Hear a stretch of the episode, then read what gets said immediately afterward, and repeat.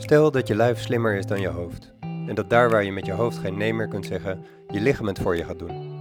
Dan kan het waardevol zijn om jezelf de vraag te stellen: stel dat deze situatie of gebeurtenis er is voor mij. Wat wil het me dan eigenlijk vertellen? Wat mag jij veranderen in jouw leven zodat het weer goed en kloppend is voor jou? Zodat je vanuit die plek jouw kostbaarheid kunt geven aan de wereld om jou heen. Mijn naam is Juriaan Galavasi, ook wel bekend als Dr. Juriaan. Ik begeleid mensen naar zich weer fysiek en mentaal fitter en gezonder te voelen. In deze podcast gaat het over wie heeft leiding over wie. Wie heeft leiding over wie? Dat is een waardevolle vraag, denk ik, om te stellen. Heb jij nog leiding over je bedrijf of heeft je bedrijf leiding gekregen over jou? Heb jij nog leiding over je relatie of heeft je relatie langzaamaan leiding gekregen over jou? Heb jij nog leiding over je perfectionisme? Of heeft je perfectionisme langzaamaan leiding gekregen over jou? Met andere woorden, heb je je werk of je relatie of je perfectionisme, het goede resultaat, per se nodig om je goed te voelen? Dat wil niet zeggen dat een gave baan of een toffe relatie of een hele goede prestatie leveren niet waardevol zou zijn. Natuurlijk is dat super waardevol. Ik denk dat we er allemaal van groeien en er blij van worden op het moment dat we in een uh, fijne baan zitten, daar onze voldoening uit kunnen halen en waarde kunnen toevoegen, niet alleen aan ons eigen leven, maar ook aan het leven van anderen. En natuurlijk is een relatie ook super waardevol en kan het je leven daadwerkelijk letterlijk en figuurlijk verrijken. En ja, groeien we er allemaal van als we een gave prestatie leveren, waardoor we erkenning en waardering krijgen, een complimentje van anderen. Dat vinden we natuurlijk allemaal hartstikke fijn. De vraag is alleen of we dat per se nodig gaan hebben om ons nog goed te voelen. Of ja, dat we ook bereid zijn om ja, onze baan misschien wel op te geven. Of misschien wel de stekker uit je relatie te trekken. Of in ieder geval daar de confrontatie aan te gaan en niet keuzes te gaan maken uit de angst om de relatie te verliezen. En dat we soms ook bereid zijn dat iets mag mislukken. Dat het niet altijd 100% perfect moet zijn om ja, misschien wel je bestaansrecht aan te kunnen ontlenen. Dus mag het ook mislukken. Met andere woorden, wie heeft leiding over wie? En we zijn natuurlijk opgevoed dat we het zo goed mogelijk willen doen. Dat is ook niet zo raar. Vanaf jongs af aan werd je al uh, in de kleuterschool en in de schoolbanken ertoe gestimuleerd om een zo goed mogelijke prestatie te leveren. Als je het goed had, dan kreeg je een krul, misschien wel een plakplaatje. En later kreeg je in ieder geval een goed cijfer. En nog weer later in je leven, als je het heel goed doet, dan krijg je een diploma. Kan je door naar de volgende groep, de volgende klas, misschien wel een andere school. Um, je kunt misschien wel studeren. En als je dat ook allemaal goed doet, dan krijg je natuurlijk een uh, gave baan, een goede plek op de maatschappelijke ladder. Kortom, de roadmap to succes. En als je het niet goed doet, of in ieder geval niet voldoet in de ogen van een ander of de maatschappij, dan krijg je een dikke vette rode streep of een onvoldoende, blijf je zitten en dat is niet oké. Dus ja, je bent, ik zeg altijd, we zijn opgevoed, um, of eigenlijk gemaakt tot een machine. Je bent natuurlijk een mens, maar je bent gemaakt tot een machine. Je bent getraind om problemen op te lossen. En zodra er een probleem op je pad komt, dat je hebt geleerd om het zo goed mogelijk te snappen, te weten, te begrijpen. Want als je het snapt, weet en begrijpt, dan kan je iets doen. En als je iets kunt doen, dan kom je op een goede plek uit. Denk je.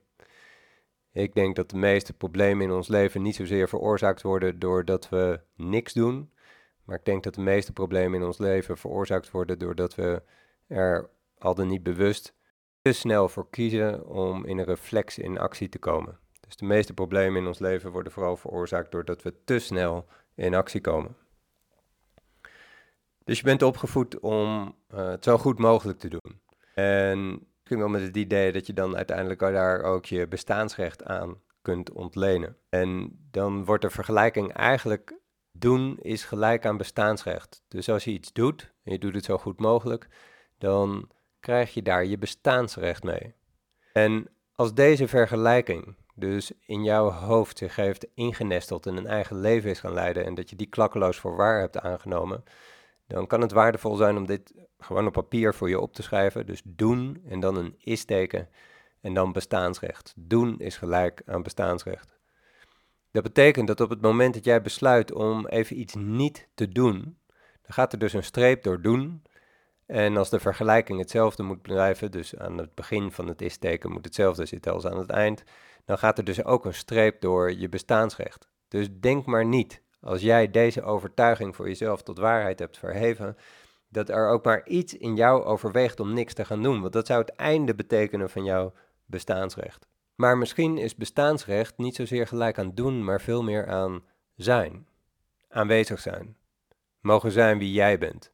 Met al je plussen en je minnen, maar ook je mitsen en je maren. En dat zijn misschien helemaal niet gelijk is aan bestaansrecht, maar dat je daadwerkelijk kunt zijn wanneer dat gelijk is aan aanvaarding. Aanvaarden dat het leven is zoals het is.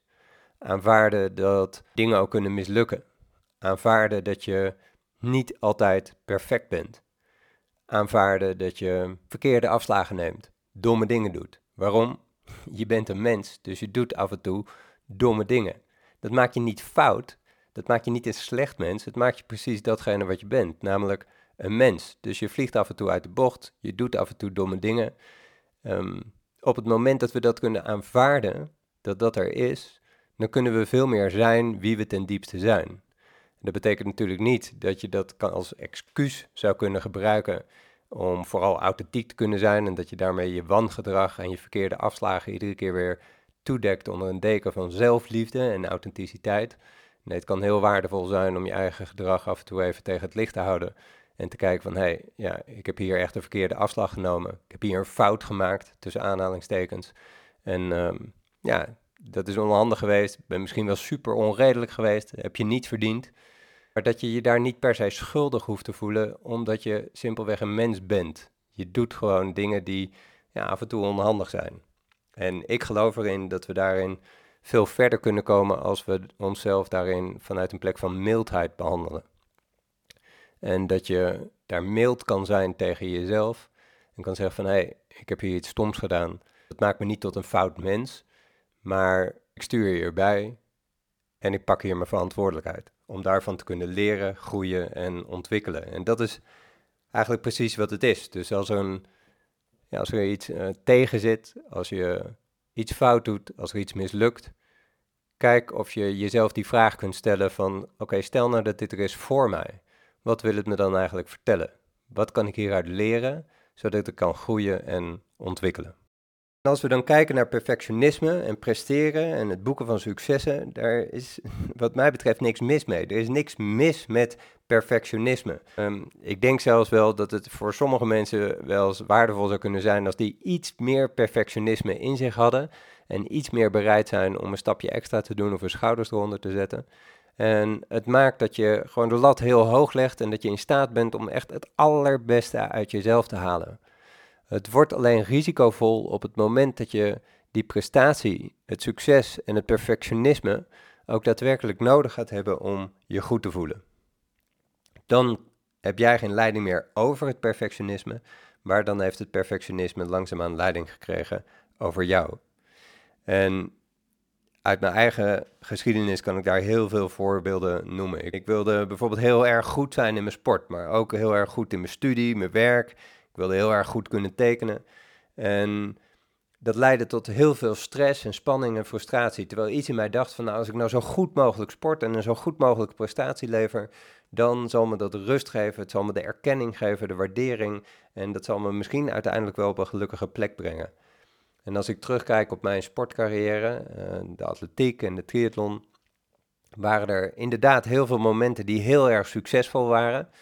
Ehm, en daar heb ik ook echt van kunnen genieten en werd ik ook voor gewaardeerd en kreeg ik erkenning voor. Maar er waren ook veel meer momenten van diepe dalen en waarin als een uh, wedstrijd niet ging zoals ik wilde en ik uh, verloor, letterlijk en figuurlijk, niet alleen ten overstaan van anderen, maar vooral ten aanzien van mijn eigen verwachtingen, dan kon ik daar echt stuk van zijn. Zaggerijnig, um, slecht slapen, veel spanning voor een volgende wedstrijd. En hetzelfde gold ook in mijn studie. Ik mocht eigenlijk geen onvoldoendes halen. Ik wilde het altijd uh, perfect doen. In ieder geval geen uh, dingen laten lopen, alles in één keer halen. En dat heeft ertoe geleid dat ik daar keuzes heb gemaakt, als ik terugkijk, waarbij ik vooral heel veel tijd besteedde aan mijn studie, om het zo goed mogelijk te doen. En de prijs die ik daarvoor betaalde, dat ik daar bijvoorbeeld heel veel sociale contacten, activiteiten heb laten lopen voor mijn studie. Tegelijkertijd heeft het me ook onwijs veel gebracht. Dus ook hier, het is niet goed of fout, maar met terugwerkende kracht kan ik wel zeggen van, goh, als ik daar nou op een andere manier in het leven had gestaan, dan had ik waarschijnlijk en mijn studie gehaald en had ik nog meer van mijn studententijd kunnen genieten op een andere manier. Nou, hetzelfde geldt ook in mijn werk, dat ik uh, daar ook altijd de beste wilde zijn. Het vooral, uh, zeker in de huisartsenpraktijk, heel erg goed wilde doen voor anderen. Waarbij langzaamaan de praktijk leiding kreeg over mij. En eigenlijk ook de patiënten en de assistentes. En ging ik me daar vooral heel erg aanpassen en gedragen in de hoop daar goed bevonden te worden. Niet alleen een goed mens te zijn, maar ook een goede dokter, een goede zoon, een goede vader, een goede partner. En was daarin geneigd om heel vaak mijn eigen ja, behoeftes, mijn eigen verlangens, datgene wat ik echt ten diepste nodig had en wat goed en kloppend was voor mij, om dat opzij te schuiven. En het wrang in het verhaal is dat er, uh, om dat te compenseren, dat ik heel veel tijd stopte in mijn sport, zodat ik daar in ieder geval ja, nog een beetje contact kon vinden met mezelf en daar ook via die weg dus de erkenning en de waardering kon halen. En dat werd vooral gezien door mijn omgeving als dat ik juist heel erg egoïstisch bezig was. En vanuit hun perspectief kan ik me daar iets bij voorstellen. Maar het droevige in het verhaal is dus dat ik dat nodig had, omdat ik op al die andere momenten heel erg het gevoel had dat ik me continu aan het aanpassen en aan het gedragen was. Iets wat zij niet konden zien. En de tijd die ik dan naar mezelf uh, ging besteden, die werd dan vooral gezien als uh, nou, dat ik vooral mezelf op de allereerste plek zette. En ook in mijn hobby's, ik weet nog dat ik heel erg klein was, ik zat nog op de basisschool. En uh, nou ja, mijn moeder die tekende altijd, laag bij ons in huis verspreid, altijd allerlei kleine papiertjes waarop kleine tekeningetjes lagen. En van jongs af aan heb ik daar al meegedaan en ik heb daar ja, toch een soort kwaliteit ontwikkeld om ook redelijk te kunnen tekenen.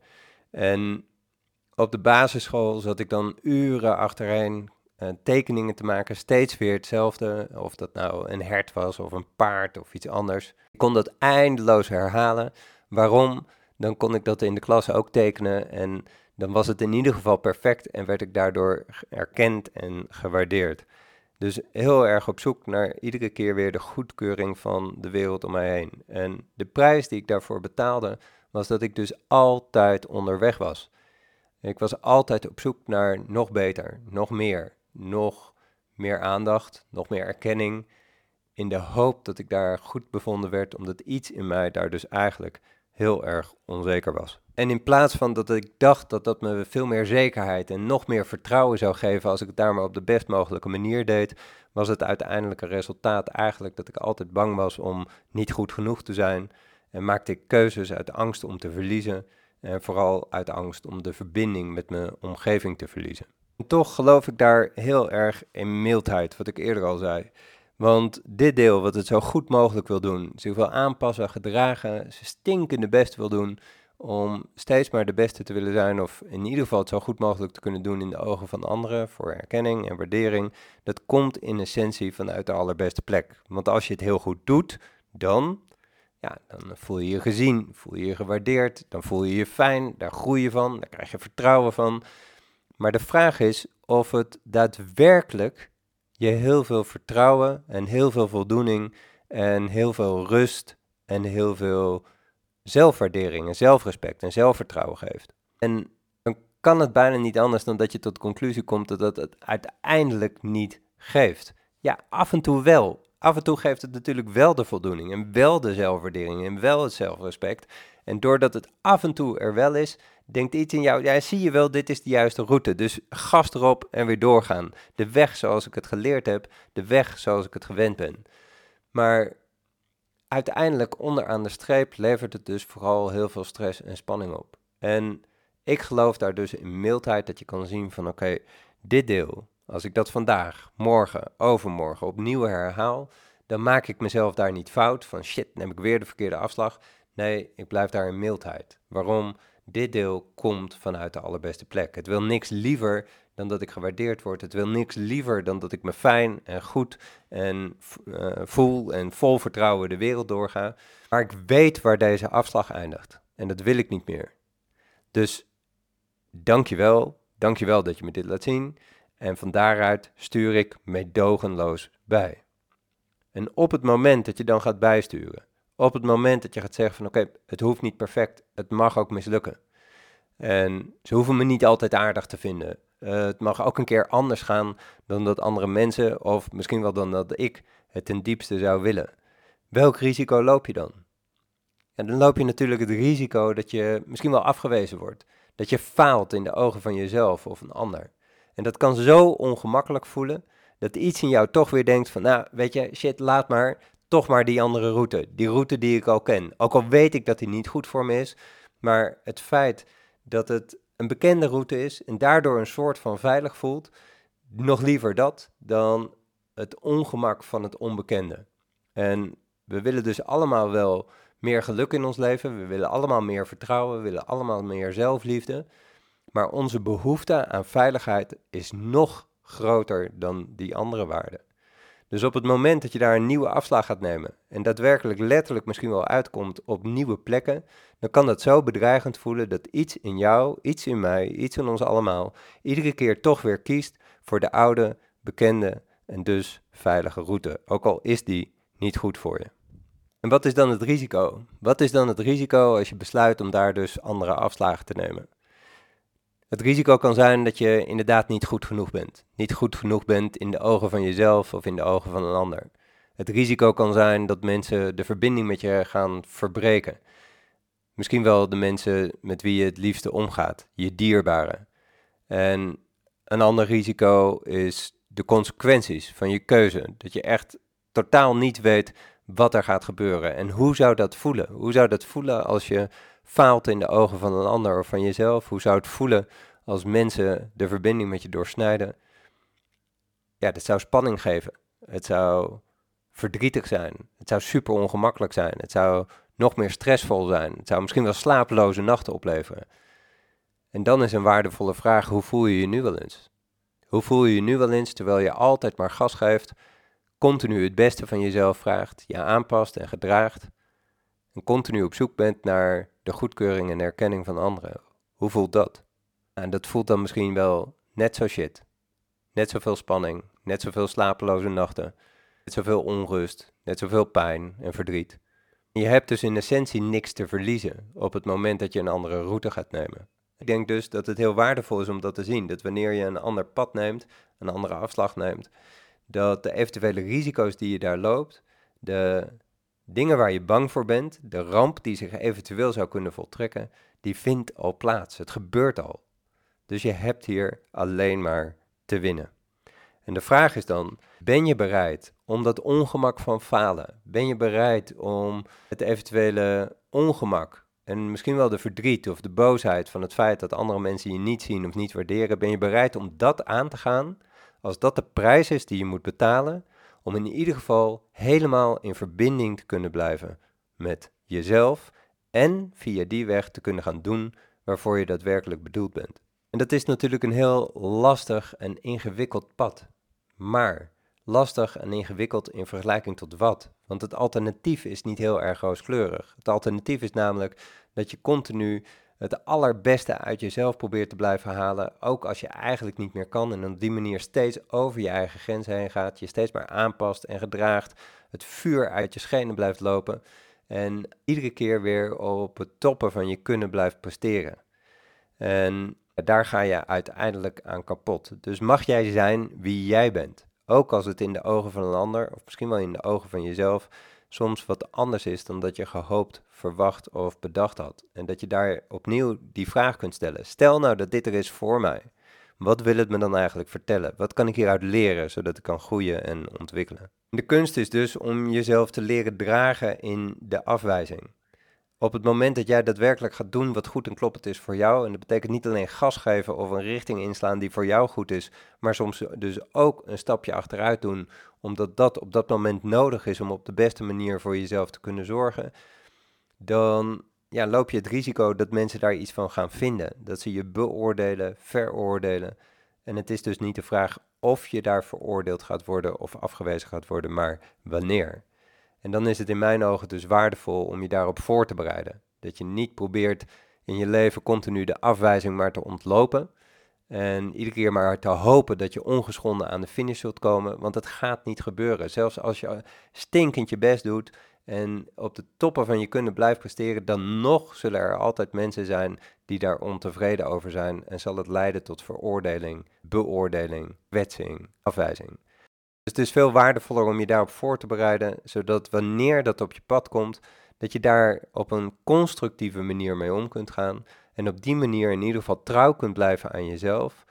En die beslissingen kunt nemen die goed en kloppend zijn voor jou. En soms is dat dan gas geven en presteren. Misschien wel een nacht doortrekken, maar simpelweg omdat jij het wilt. En op andere momenten kan het zo zijn dat je zegt van oké, ik ga hier door, misschien wel een nacht doorwerken. En om één uur s'nachts denk je van poeh, nee, dit voelt toch niet goed. En dan ga je naar bed toe en dan denk je, dit kan morgen ook. Kortom, dan heb jij leiding over je presteren, heb jij leiding over het succes of het resultaat of over je perfectionisme.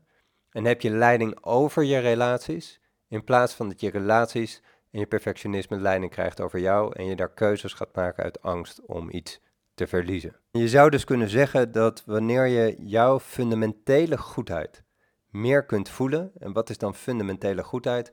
Fundamentele goedheid is dat deel dat je je realiseert dat je een mens bent, dat je komt vanuit de allerbeste plek. Het is niet je bedoeling om iets te laten mislukken.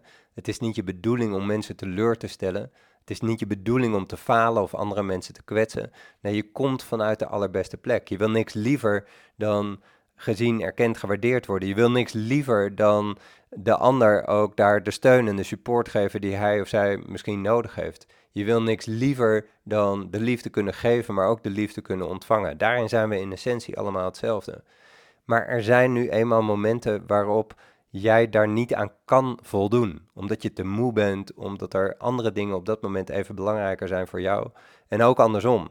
En het kan zijn dat de mensen in je omgeving jou ook niet altijd de support kunnen geven of je datgene konden geven waar je op hoopt of wat je gewenst had. Dus ben je dan in staat om daar terug te vallen op je eigen fundament en je te realiseren dat wanneer je een verkeerde afslag neemt, dat wanneer je iets doms doet, dat je dan geen fout mens bent, maar dat je precies datgene bent wat je bent, namelijk een mens en dat je dus af en toe domme dingen doet. En dat is je fundamentele goedheid voelen. Dat je komt vanuit de beste plek en ja, dat het leven soms een andere wending kan nemen. Niet alleen voor jezelf, maar ook voor anderen.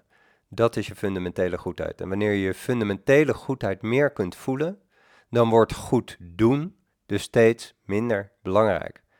Nogmaals, wil niet zeggen dat een goede prestatie of een tof succes, dat dat niet waardevol zou zijn.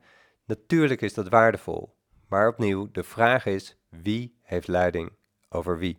En ook in mijn leven zijn er heel veel voorbeelden geweest waarin externe omstandigheden leiding kregen over mij in plaats van andersom. En door al die gebeurtenissen heb ik dat steeds meer mogen leren en heb ik steeds meer mogen leren om mezelf vrij regelmatig die vraag te stellen van wie heeft nou eigenlijk leiding over wie? En om je een paar voorbeelden te noemen, bijvoorbeeld de sportgeneeskunde in mijn praktijk, die ik met heel veel liefde deed, maar waar ik ook heel veel erkenning en waardering door kreeg en wat een deel van mijn identiteit was geworden. Nou, mijn huisartsenwerk natuurlijk, maar ook de huisartsenpraktijk.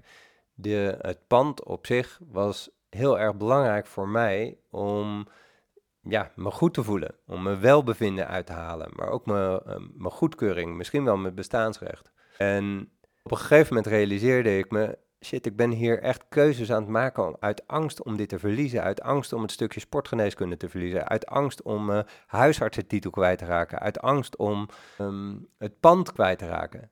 En toen realiseerde ik me van, oké, hier heeft dit allemaal echt leiding gekregen over mij. Ik maak hier keuzes uit angst om te verliezen. Ergens hoop ik dat het me de vrijheid geeft, dat het me het aanzien geeft, dat het me het zelfvertrouwen geeft. Maar het gaf me helemaal geen zelfvertrouwen. Het gaf me helemaal geen rust of zelfwaardering. Het maakte me alleen maar heel erg angstig, gespannen en het ontnam eerder mijn vrijheid dan dat het me mijn vrijheid gaf. En op het moment dat ik dat zag, was ik in ieder geval in staat om daar op een andere manier naar te kijken. En werd het misschien niet eenvoudiger, maar het werd wel veel helderder wat me te doen staat.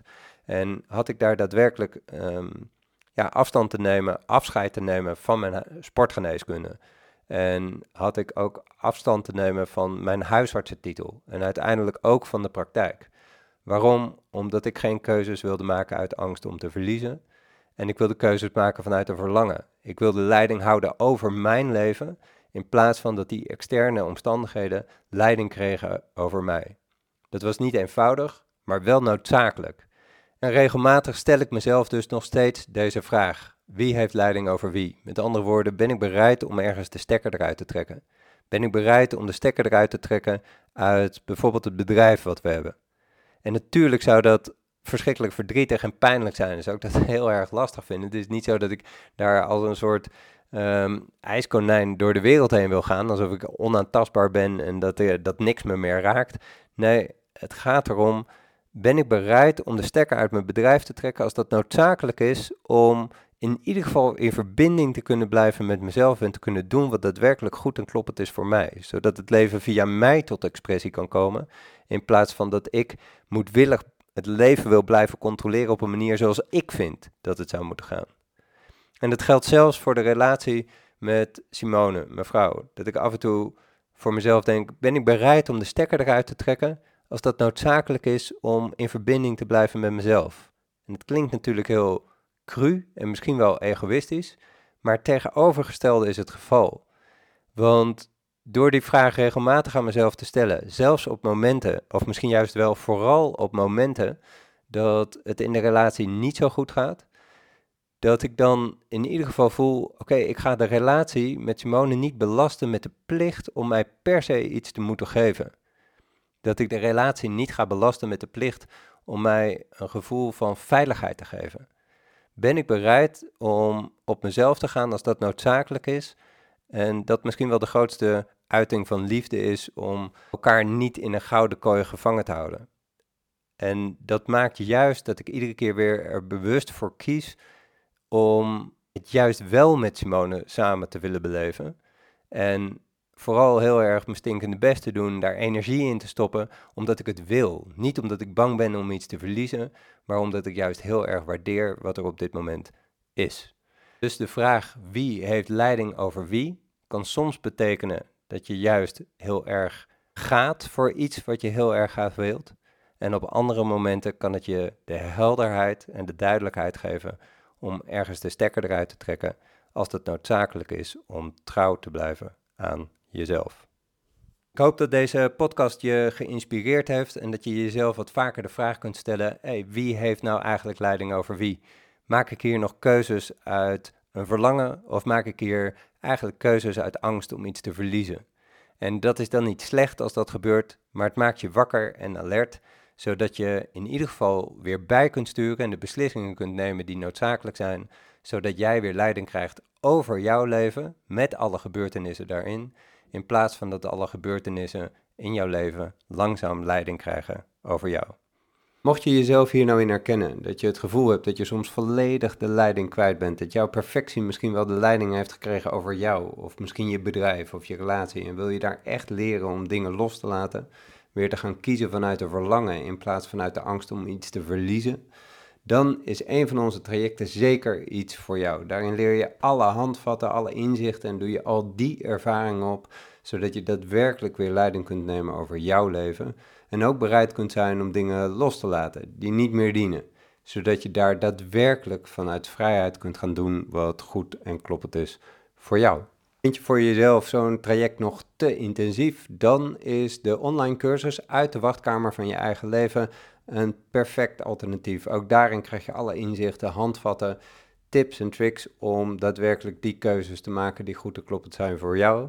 En mocht je vanuit daar toch nog besluiten om zo'n traject in te gaan en echt volledig ervoor te gaan, dan krijg je de online cursus uit de wachtkamer van je eigen leven. Krijg je je inleg daarvan sowieso terug, want die krijg je van ons cadeau wanneer je deelneemt aan een traject.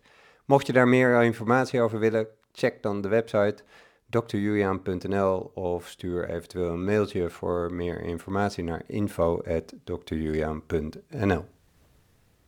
Dankjewel voor het luisteren, dankjewel voor het vertrouwen, dankjewel ook voor je nieuwsgierigheid. Ik wens je een hele mooie dag of avond wanneer je dit ook luistert en zorg heel goed voor jezelf.